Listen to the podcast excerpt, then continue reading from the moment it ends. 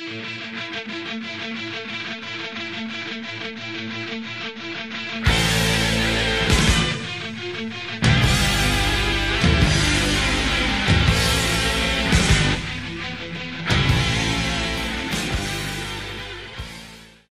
og velkommen til vår podkast 'Psykologi og fremmedspråk'. Jeg heter Gerhard Aarband. Jeg er psykolog, bokforfatter og tysklærer. Denne podkasten hjelper deg å forbedre språkferdighetene dine, uansett om du er nybegynner eller profesjonell. Jeg er ikke ekspert på norsk.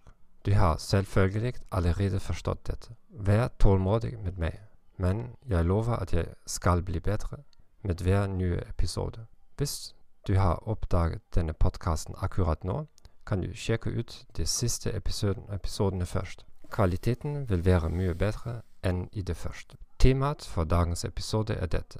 Dunning-Kruger-effekten og faren for å følge selvsikre lærere. Jeg håper at du ikke gikk glipp av vår siste episode. Hvordan og hvorfor lære språk i løpet av en tid av panikk. Du kan finne alle podkastepisoder i arkivet vårt. Hvis du vil høre på denne podkasten på et annet språk, kan du gå til vår hjemmeside thegomethod.org slash podcast eller thegomethod.org slash norwegian. Saboterer du din egen suksess med å lære et fremmedspråk, og kaster du bort tid og penger på uproduktive aktiviteter? Oppdag de ennå 20 feilene jeg selv har gjort de siste 20 årene, og lær hvordan du kan unngå dem ved å lese min nyeste bok 21 Self-Limiting Beliefs and Learning a Foreign Language Smashed. Boken er tilgjengelig som lommebok og i Kindle-format på Amazon. Du finner den direkte lenken her på nettstedet til podkasten. La oss starte. Dunning-Kruger-effekten og faren for selvsikre lærere. Dessverre har vi begrenset tid på denne podkasten. Jeg vil bare fortelle deg essensen av denne effekten. Jeg oppfordrer deg til å lese mer om dette senere. Vårt fokus vil være hva er implikasjonene for språkleksjoner. Ta en titt på lenken i podkastnotatene, slik at du kan se en graf som viser effekten. Noen vet nesten ikke noe om et problem. Samtidig er de veldig, veldig sikre på synspunktene sine. Andre mennesker vet mer om det samme problemet.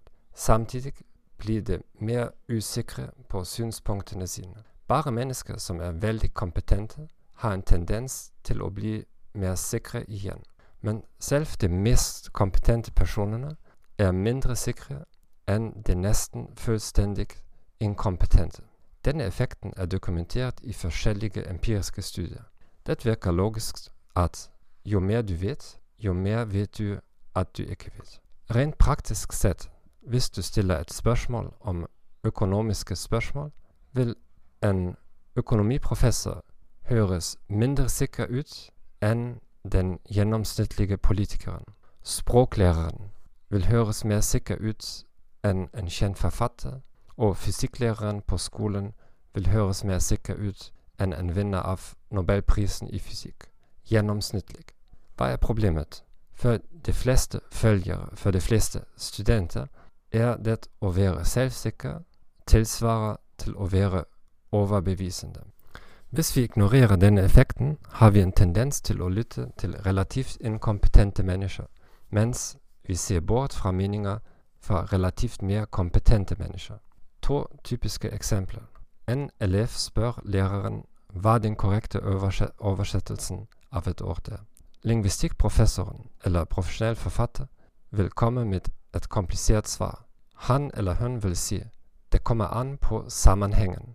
Dette ordet kan ha ti forskjellige betydninger, men den normale læreren vil si med stor autoritet ja, den riktige oversettelsen er dette.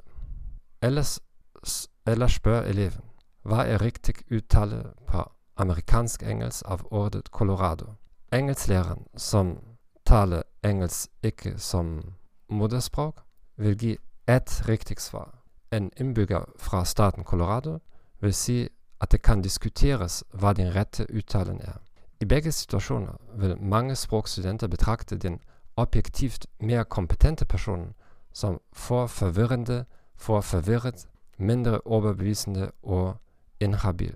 Takk for at du har hørt på podkasten vår psykologi og fremmedspråk. Jeg håper denne informasjonen var nyttig for deg. Abonner på kanalen vår på Apple Podcast, Spotify, Stitcher eller favorittappen din. Vennligst anbefale oss til dine venner og kolleger. Som jeg lovet før, vil språkdelen bli bedre med de neste ukene. Og la meg få vite hva du synes om dagens episode. Bare skriv med meg en e-post. Fortell meg hvilke spørsmål du har, slik at jeg kan svare på dem i en av de kommende episodene. Jeg ønsker deg en fin dag, og farvel.